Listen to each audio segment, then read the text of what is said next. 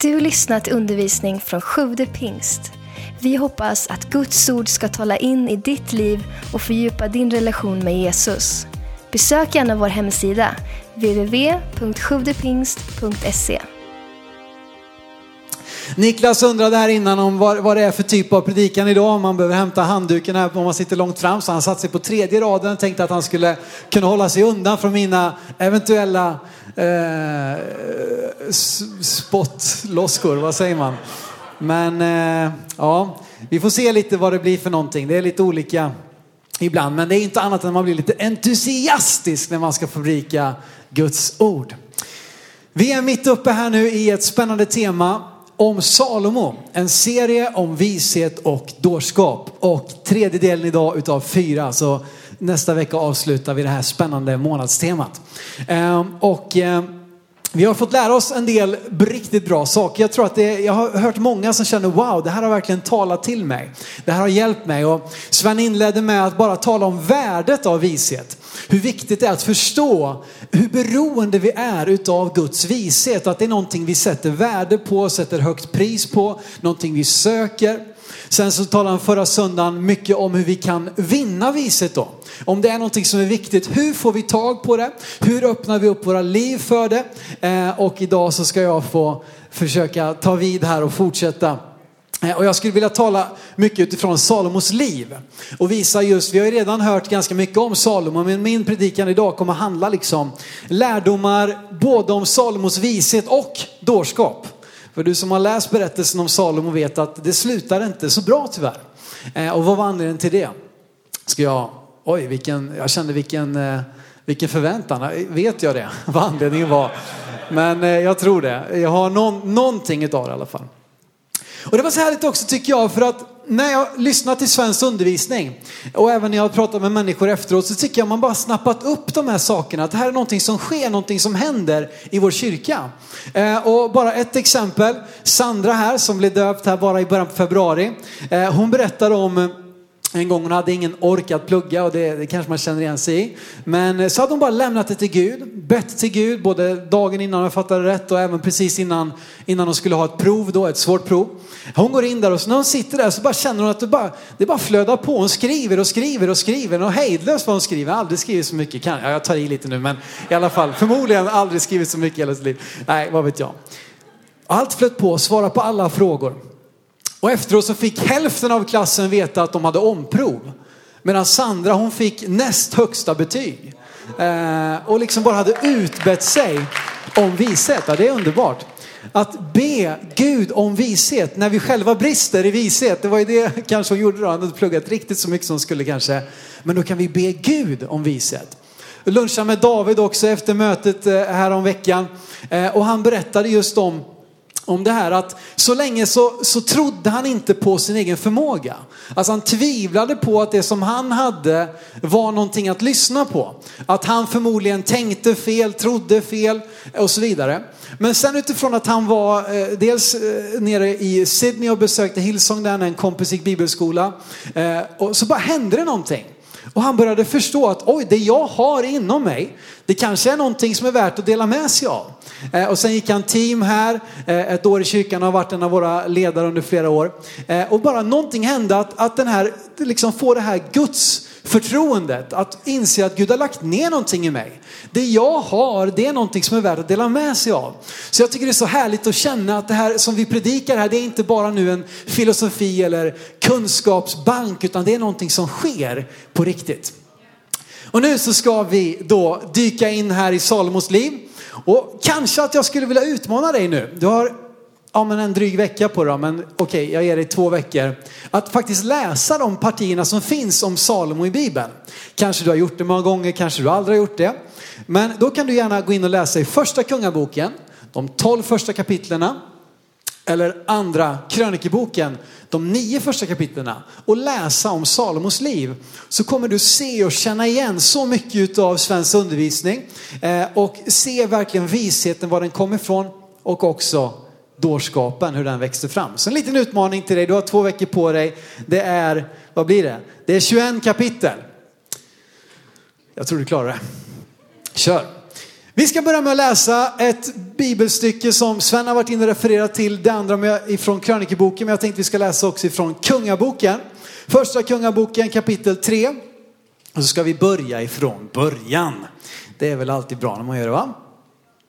Och där står det så här nu då. Jag känner jag är redan törstig här nu efter två minuters predikan så. Det är bra. Så jag ska inte göra Niklas besviken här. Det måste finnas någonting som kan... Ja, vi släpper det. Första Kungaboken 3, 7-10. Du Herre, här är det Salomo nu. Han kommer inför Gud och Gud frågar honom, liksom, han har ett möte med Gud helt enkelt och han ska börja sin resa som kung. Du Herre min Gud, har nu gjort din tjänare till kung efter min fader David, men jag är bara en ung man. Jag vet varken ut eller in. Din tjänare är här bland ditt folk som du har utvalt, ett folk så stort och taligt att det inte kan räknas på grund av sin mängd. Ge din tjänare ett lydigt hjärta så att han kan vara domare för ditt folk och skilja mellan gott och ont. För vem kan annars vara domare för detta ditt stora folk? Det behagade Herren att Salomo bad om sådant. Visheten, det ska vara fem punkter om vad visheten gör. Visheten för det första låter början handla om slutet. Det är det första som visheten gör. Här nu ska Salomo inleda sin tid som kung. Och vad gör han? Han ber inte en kortsiktig bön. Han ser inte bara det som är här och nu. Han ber Gud om vishet att kunna skilja mellan gott och ont och leda detta stora folk i resten av sitt liv. Han inser att det är långt mer värt än guld här och nu. Det är långt mer värt än att vinna en seger här och nu. Får jag vishet kommer det ge mig ammunition, det kommer ge mig utrustning att kunna leva länge, att kunna följa Gud och tjäna honom länge. Och inte minst också kunna lämna ett arv efter sig. Att inte bara tänka heller att det ska gå bra för mig. Hans hjärta för att ha vishet, det är att han ska kunna vara en domare för hans folk. Att kunna vara till välsignelse för någon annan. Han vill att det han börjar med ska vara någonting som leder honom till ett gott slut. Alltså han inleder hela sin regeringstid med att be Gud om det viktigaste, vishet. Det är som att hellre be om en påse med frön än om en frukt, eller med en korg med frukt. Du vet en korg med frukt den är ganska lockande, läskande här och nu. Särskilt om de är sådär perfekt mogna liksom, så det bara, det bara dryper om det liksom. Och så börjar man käka. Men ganska snabbt så kommer du faktiskt rent av kanske blir illa. Är det någon som äter för mycket frukt och känt att det blir, Carro hon liksom en liten hand där framme, ni ser inte det men jag ser din hand minsann och nu vet alla om det. Eh, man har någon gång kanske ätit lite för mycket frukt och det blir, man blir illamående. Är den dessutom sådär härligt smaskigt söt och fräsch så dröjer det inte särskilt många dagar innan den börjar ruttna. Eh, och du kanske till och med får slänga slutet av korgen. Och så står du där med en tom korg eller med rutten frukt i bästa fall. Men om du ber om en påse med frön, då har det, det kommer ta längre tid. Du kommer inte få den här underbara smaken direkt i munnen här och nu. Men om du tar hand om den här påsen med frön på rätt sätt så kommer det att kunna multiplicera sig. Det kommer kunna ge dig frukt i många, många år framöver. Och vet du vad, inte bara dig, utan det kommer kunna bli till välsignelse för någon annan. Din frukt kommer kunna räcka till andra. Fråga mina svärföräldrar, de har mycket frukt. Och det räcker till andra. Vi får komma dit och plocka därför att de en gång satte ner frö, det kanske inte var frön då, men de satte ner planter i marken de tänkte långsiktigt. Vi kan inte bara leva här och nu. Vi vill att det ska få bära frukt i lång tid. Det är vad det är att låta början handla om slutet. Vi lever i en tid som ropar nu, helst igår. Och jag har precis nu läst en bok som jag, jag, jag rekommenderade den på sociala medier häromdagen. Men den heter Swipe Right. Den finns bara på engelska än så länge tyvärr. Men det är en bok som handlar om sex och relationer, eh, om liv och död faktiskt. Eh, rubriken är Swipe Right, Death, Life, Sex and Relationships. Det är en stark titel. Det finns mycket, jag kanske återkommer och plockar lite där. Men en sak som han säger där, han säger så här att now speaks louder but later lasts longer. Alltså nu talar högre, men senare varar längre. Alltså jag vill ha nu. Jag vill ha det nu, jag vill ha det igår, jag vill ha det här och nu. Ja, det, det låter bra, det, det är lite hetare här just nu. Men att vänta, att tänka mer långsiktigt, det varar längre. Fatta beslut, be böner, gör vägval med slutet i sikte. Därför att det, där du kommer att hamna, det avgörs ju av den riktning du tar redan här och nu. Så att våga fatta beslut. Och bara för att ta ett sånt exempel som just sex och relationer. Hela världen ropar nu. Alla tv-serier vi tittar på, filmer och allt möjligt, det säger nu. Jag vill ha det nu. Jag vill ha det så mycket jag vill, så mycket jag kan och så ofta jag vill och så vidare. Och det låter ju väldigt bra, det verkar häftigt, det smakar gott, alla gör det. Men vad kommer det innebära för dina långsiktiga relationer?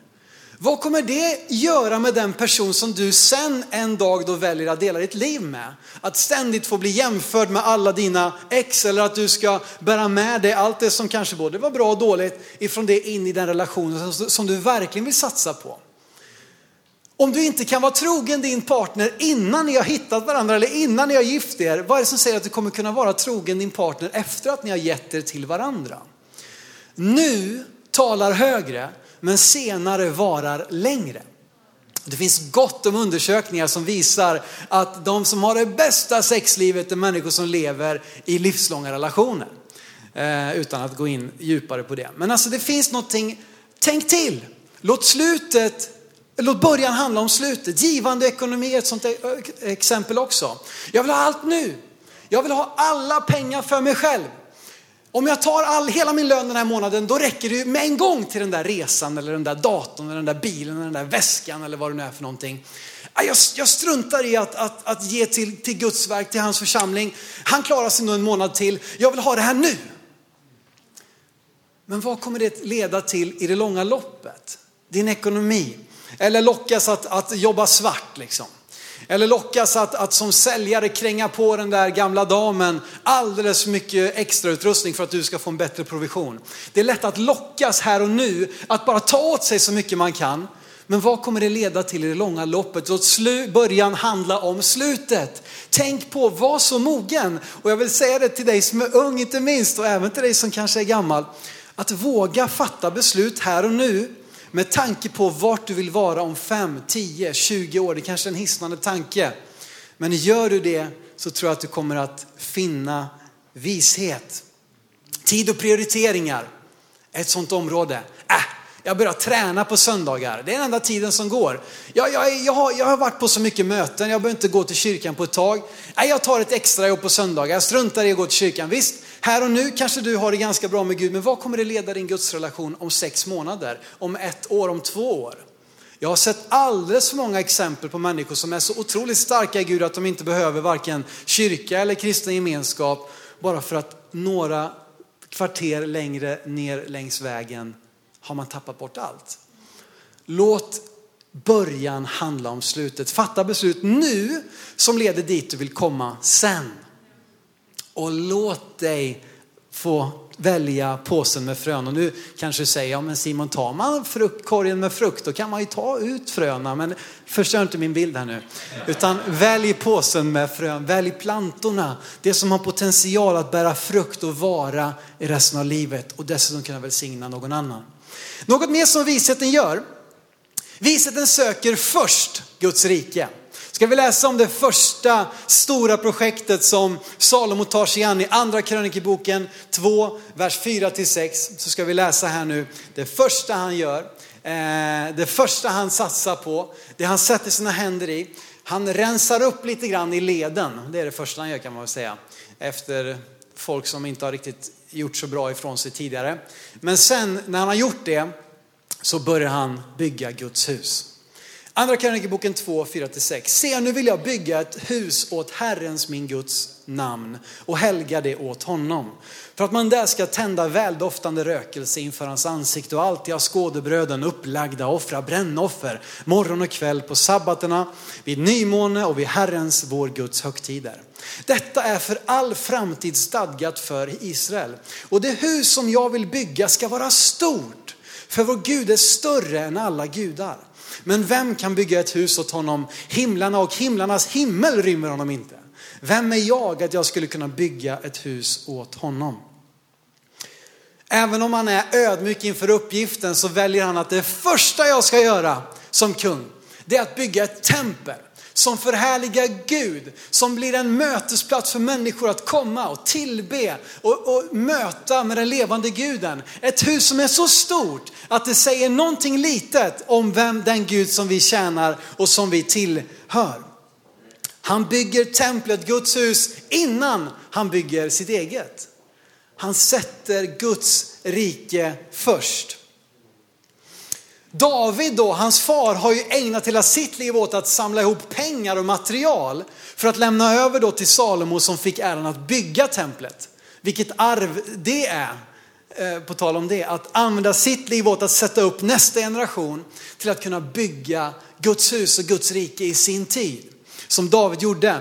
Men Salomo hade ju kunnat valt nu att lockas med nu, här och nu. Han kunde ha velat göra saker här och nu med de här sakerna, de här pengarna. Äh, vi kanske väntar lite om jag, om jag liksom använder de här pengarna till lite andra grejer.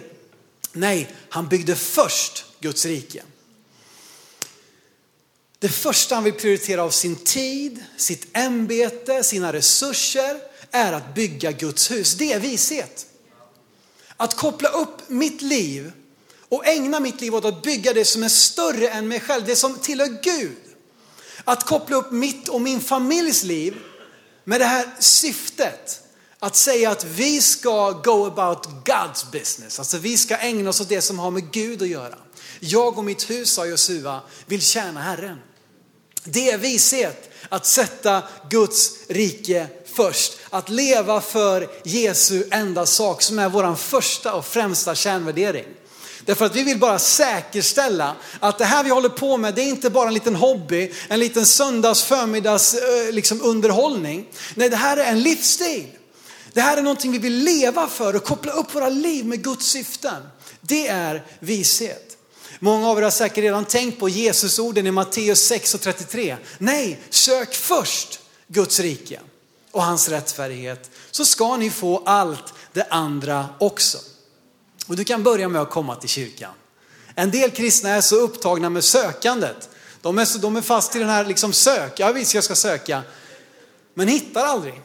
Och vet du vad, börja med att gå till kyrkan. Letar efter Guds rike på jorden, här är det. Gud har sagt att han kommer verka genom sin församling. Jesus, det enda Jesus har lovat att bygga är Guds församling på denna klippa ska jag bygga min församling, säger Matteus 16. Så vill du ägna dig åt att bygga det som Jesus bygger, så se till att vara en del av en lokal församling. Svårare än så är det inte. Och det är vishet. Sök först, bygg först. Han byggde Guds hus före sitt eget. Han satte mest resurser åt att bygga Guds hus. Ordspråksboken 3, vers 9 som ju är en enda lång exposé. Hela Ordspråksboken bara visar ju upp Salomos vishet. Han har skrivit de allra flesta eh, ordspråken och kapitlen som, som vi bygger hela ordspråksboken på. Han säger det här i ordspråksboken 3 och 9.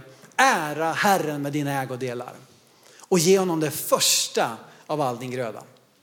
Ge honom det första. Här kommer tiondet in. En symbol för det första. Att jag ger mina tio första procent till Gud för att säga att allt tillhör dig. Allt tillhör honom. Det är vishet. Att ta det här på allvar och att påminna sig själv om att det här är viktigt i mitt liv. Bygg, visheten söker först Guds eh, rike. Visheten syns i skickligheten. Eh, eh Sven talade om det förra veckan lite grann och jag skulle bara vilja trycka lite extra på det idag. Eh, I första Kungaboken 10 och vers 1 till 8. Och det här är också det som vårt infoblad handlar om. Så har du inte läst det än så ta det och fånga upp det. Eh, där vi har lyft fram ett exempel i kyrkan, nämligen Reclaim, som är ett exempel på detta verkligen. Eh, första Kungaboken 10, 1-8. När drottningen av Saba fick höra ryktet om Salomo, om hennes namn, kom hon för att sätta honom på prov med svåra frågor. Vers 4. Drottningen av Saba såg Salomos hela vishet och såg hus han hade byggt och rätterna på hans bord och hur hans tjänare satt där och hur det som betjänade honom skötte sina sysslor och hur de var klädda. Och hans hovmän, brännoffren som han offrade i Herrens hus, blev hon utom sig av förundran. Hon sa till kungen, så var det då sant det jag i mitt land hörde om dina ord och om din vishet. Jag ville inte tro det, för jag kom hit och fick se det med egna ögon. Men se, inte ens hälften hade berättats för mig. Du har långt mer vishet och rikedom än jag har hört genom ryktet. Lyckliga är dina män. Och lyckliga är dessa dina tjänare som ständigt får stå inför dig och höra din vishet. Eller din visdom. Ser ni, det, det är flera aspekter här. Det är ett hörande, det är ett seende. Alltså det, det, det, det, visheten stannar inte i teorin. Visheten stannar inte i orden. Visheten tar sitt uttryck i skickligheten. Visheten blir kött, visheten blir materia. Och jag skrev ner en mening som var så bra att jag fetmarkerade den här. Där säger så här, där vishet förmedlas av det som leder och värderas av de som lyssnar, där kommer den börja synas i det som utförs. Det var lite för djupt så jag tar det en gång till så kan du få säga amen en gång till här sen. Där vishet förmedlas av de som leder. Det var det Salomo gjorde. Han förmedlade, de sa salig är män som får stå och lyssna här gång efter gång. Där den förmedlas av de som leder och värderas av de som lyssnar. Det finns ett ansvar också hos mottagaren att faktiskt värderas det som, det som delas. Jag kan sitta och tänka på allt annat, sitta med sociala medier under tiden som predikan. Jag kan tänka på eftermiddagens semifinal i FA-cupen. Vem ska få möta Manchester United i, nu, nu avslöjar jag mina egna tankar här. Blir det Chelsea eller Southampton? Jag vet inte. Men ja, nu vill jag värdera det som jag, det som jag säger och ska jag försöka värdera. Av, ja. Där vishet förmedlas av de som leder, värderas av de som lyssnar. Där kommer den börja synas i det som utförs. Visheten syns och märks i skickligheten. Den tar sig uttryck. Guds smörjelse, alltså Guds förmåga i oss människor, den är inte begränsad till att predika och sjunga. Den är inte ens begränsad bara till att be för människor. Den kan användas i allt som vi gör. Hans smörjelse Hans närvaro vill fylla varje del av våra liv så vi kan bli en duktig företagare genom den heliga andes smörjelse. Att vi kan bli den duktigaste administratören genom den helige andes smörjelse. Att vi kan bli den bästa kaffebryggaren genom den helige andes smörjelse. Att vi kan bli de duktigaste barnledarna, de bästa på att städa, de skickligaste trädgårdsmästarna. Inte för att förhärliga oss, men för att förhärliga den Gud som vi tjänar. Jag älskar att läsa andra Mosebok 35 och 30 och framåt. Här så berättas det om när de skulle bygga arken. Eh, eller de skulle bygga förbunds, eh, de skulle bygga tabernaklet och arken och allting som hörde till det, där Guds närvaro då skulle vara liksom centrerad. Och där står det så här nu, och nu vill jag att du ska tänka noga på vad vi läser här. Moses sa till Israels barn, se Herren har kallat Bessalel, son till Uri, son till Hur av judastam. Han har fyllt honom med Guds ande, med vishet, förstånd och kunskap och med skicklighet i allt slags hantverk.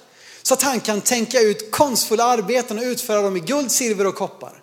Slipa stenar för infattning och snida i trä, ja utföra alla slags konstfulla arbeten. Åt honom och åt Oholiab, Kari jag känner vi har lite namnförslag här. Åt honom och åt Holiab, Bahisamaks son av Dans stam, har han också givit förmågan att undervisa andra. Han har fyllt deras hjärtan med vishet att utföra alla slags snideriarbeten och konstvävnader, brokiga vävnader, mörkblått, purpurrött, karmosinrött garn samt i fint lingarn och andra vävnader. Ja, att utföra alla slags arbeten och tänka ut konstfulla verk. Bessalel och Holiab och alla andra konstnärligt begräns, begränsade, begåvade män har Herren utrustat med vishet och förstånd till att veta hur, hur, hur de ska utföra allt arbetet med att uppföra och färdigställa helgedomen. De ska i allt göra det så som Herren har befallt. Rätt man på rätt plats. Ge din gåva till Gud oavsett vad den är. Är du den bästa ekonomen? Ge din gåva till Gud. Är du den bästa snickaren, ge din gåva till Gud. Är du en fantastisk sjuksköterska, ge din gåva till Gud. Är du en duktig lärare, ge din gåva till Gud. Han har utrustat dig, han vill ge dig vishet i din uppgift, han vill vara med dig i din vardag. Han vill att det du hör här på söndag förmiddag ska påverka din måndag, tisdag, onsdag och så vidare. Lita på Gud, ge din gåva till honom så kommer du se att vishet börjar synas och, och liksom bli fysiskt, ta, ta, ta form framför dig. Men var var det Salomo blev en dåre egentligen? Vad var det som hände? Jag har nu studerat och här kommer 100 miljoners kronors frågan. Du kan få köpa den efteråt för, nej jag skojar. När jag läser och studerar så kommer jag fram till att det börjar med 12 000 hästar. Va? 12 000 hästar? Var det inte alla fruar? Ja, de kommer lite senare också. Det är inget fel med en fru, men det kan bli mycket problem med, med många fruar, har jag hört. Första Kungaboken 10, vers 26-28. Här står det om Salomo. Jag ska förklara för dig varför det var 12 000 ridhästar som blev början på slutet för Salomo. Salomo samlade också vagnar och ridhästar så att han hade 1400 vagnar och 12 000 ridhästar. De inrymde han dels i vagnstäderna, dels i Jerusalem hos kungen själv. Vers 28. Hästarna som Salomo skaffade kom från Egypten. Här har vi början till slutet. Denna visa, rika framgångssaga till man som började så bra slutade så illa. Vi vet inte vad Salomo sa i sitt hjärta i slutet av sitt liv. Vi kan ana det när vi läser Predikaren som ju också Salomo med alla största sannolikhet har författat. Så kan vi ana mot slutet där att det finns någonting av ånger och omvändelse. Men det vi läser i första kungaboken och krönikeboken, det är tragisk läsning. Han som började som den visaste, som byggde templet, han lämnar efter sig ett splittrat rike. Han lämnar efter sig någonting som ska leda till templets förstörelse, inbördeskrig, avgudadyrkan, landsförvisning till Babylon och så vidare. Allt på grund av 12 000 ridhästar som hämtades i Egypten. Och du fattar fortfarande inte vad, vad det är jag far efter. Men låt oss läsa ifrån femte Mosebok kapitel 17. Någonstans har Salomos egen vishet blivit tillräcklig för honom. Någonstans har han glömt bort att det viktigaste, orsaken till min rikedom, orsaken till min framgång är att Gud en gång gav mig visheten. Vart har den unge enkle mannen som sa, jag är bara en ung man, jag har ingenting utan dig. Var har han tagit vägen? Han har tappat bort sig någonstans. I femte Mosebok 17 står det nämligen så här, om när de ska välja kung i Israel. När de ska välja kung, då står det så här, så ska du till kung över dig sätta den som Herren din Gud utväljer. En av dina bröder ska du sätta till kung över dig. Du får inte sätta en främling över dig, en som inte är din broder. Men han får inte skaffa sig många hästar och inte sända sitt folk tillbaka till Egypten för att skaffa många hästar. För Herren har sagt till er, ni ska aldrig mer vända tillbaka denna väg. Och sen kommer fortsättningen, han får inte heller skaffa sig många hustrur för att hans hjärta inte ska avfalla. Och han ska inte skaffa sig mycket silver och guld. Det började med 12 000 ridhästar. Någonstans tänkte Salomo, ah, strunt samma, det var länge sedan Gud sa det där. Visheten flyttar nämligen inte på en gammal gränssten. Och nu känner jag mig väldigt gammal här. Men jag inser det när jag läser det här och när jag läser Guds ord och när jag inser de, de, liksom det som Gud har lagt ner av värderingar, av principer, av grundläggande saker för vårt bästa. Låt det handla om, om, om sex eller you name it, vad som helst. Att det finns någonting där som är farligt att flytta på den där gränsstenen. Därför att den finns där, fäderna har rest upp den av en anledning. För att de inser att korsar vi den här gränsen, då kommer det att leda långt bort i fel riktning. Och av någon anledning, inte minst här tror jag att, att de skulle inte vända tillbaka till slaveri. De kom ju ur slaveri ur Egypten. Och här så talar Gud om för dem, ni ska inte gå tillbaka den här vägen. Det började med hästarna, fortsatte med fruar. Han hade 700 fruar och 300 bihustrur. Han hade ju rena värsta haremet. Alltså. Han tappar ju fullständigt fötterna. Han måste ju liksom, äh, äh, jag har ingenting mer att köpa för pengar, jag skaffar massa fruar. Jag har, jag har allting jag behöver, jag köper lite hästar. De bästa hästarna finns i Egypten, strunt samma om Gud har sagt att vi inte ska köpa dem därifrån. Hämta hit dem, jag vill ha alltihopa. Han har själv, jag vet inte, eller jag, det borde jag ha kollat upp här, men Ordsboken 22-28, jag undrar om det är Salomo själv som har skrivit det här. Det får vi återkomma till. Det står så här i alla fall i Ordsboken 22-28. Flytta inte en gammal gränssten som dina fäder har rest. En gammal gränssten kan tyckas mossig, irriterande, störande och oviktig. Den som inte satt upp en gräns har ofta svårt att acceptera den. Det är ju så, vi, är ska, liksom, vi vill tänja på gränserna. Vi vill, jag vill göra det där. Får man trycka inte på den här knappen, vad kommer vi göra? Vi kommer trycka på den där knappen. Och det är väl till viss del vad det är att vara människa. Men en gräns som är framflyttad, det är så mycket enklare att flytta fram en gräns än att flytta tillbaka den. Jag talar ur egen erfarenhet. Det är så mycket lättare att flytta fram en gräns än att ta tillbaka den. Så innan du kommer till den där gränsstenen och undrar, hmm, undrar vad som finns på andra sidan. Här kanske man kan, den är lite gammal, jag kanske kan sparka ner den. Tänk till. Återigen, återvänd till min första punkt. Låt början handla om slutet. Om jag passerar den här gränsen, vad kommer det leda till där borta? För förmodligen så kommer det inte stanna där. Det är det som är grejen med gränser, att vi gärna vill pusha dem, pusha dem, pusha dem. Någonstans har inte längre Guds röst högst auktoritet i Salomos liv. Och det leder honom på en nedåtsluttande väg som tyvärr gör att han både kan refereras till som den största, den visaste mannen genom historien, men också en av de absolut största dårarna. Någonstans slutade hans öra vara vänt mot Gud och det som han har sagt. Någonstans slutar han vara en ung man som inte visste varken från eller till, som var beroende av Guds vishet för att kunna leda detta folk. Någonstans så har han börjat lita på sin egen förmåga. Och det är kanske den största utmaningen när vi upplever Guds välsignelser, att komma ihåg hela tiden vart de kommer ifrån. Att inte börja tro det här, jag klarar mig bra själv, nu är jag tillräckligt stark, nu har jag tillräckligt bra ekonomi, nu är jag tillräckligt frisk, nu är jag tillräckligt duktig. Jag klarar mig ganska bra utan Gud. Hela västvärldens stora problem. Vi behöver inte er Gud ofta. Jag kan väl klara mig själv, jag skaffar en bättre försäkring. Jag, jag har liksom fallskärmar och jag har pensionsavtal och alla möjliga saker. Jag behöver egentligen inte Gud. Men all det här är ju Guds välsignelse som har kommit in i våra liv. Låt oss påminna oss om var den kommer ifrån. Låt oss påminna oss om det som är min sista punkt. Att visheten är bara lera i Mästarens hand. Bibeln har en fantastisk bild utav en krukmakare. I Jeremia 18, vi ska läsa alldeles strax. I Jeremia 18 så kommer den här bilden av Gud som en krukmakare och av dig och mig som leret i hans händer. Vi ska läsa om det i Jeremia 18, vers 3-6. Jeremia får ett tilltal av Gud att han ska gå ner till krukmakarens hus och så här står det.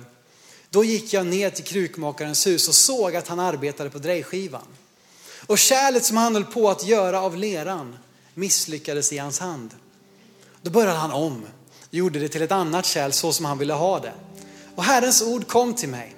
Han sa, kan jag inte göra med er, nya av Israels hus, så som den krukmakaren gör, säger Herren. Som leran i krukmakarens hand, så är ni i min hand, Israels hus.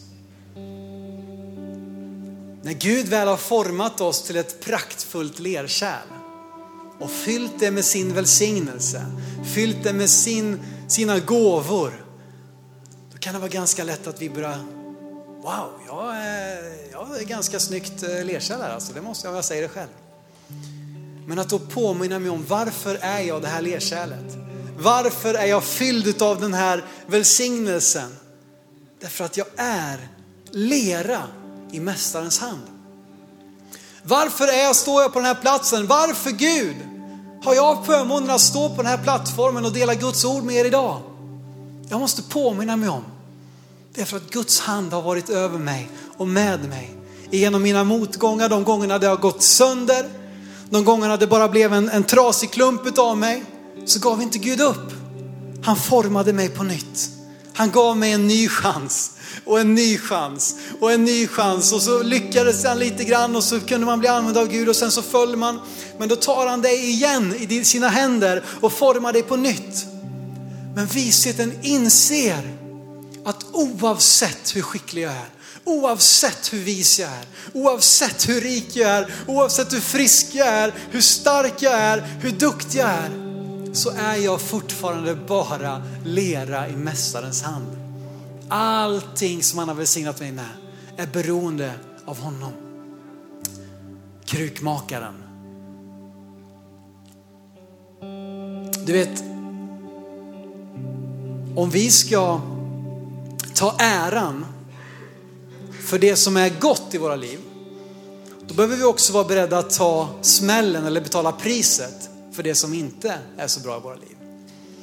Men det fantastiska med att vara i krukmakarens hand, det är att han tar ansvar för båda delarna.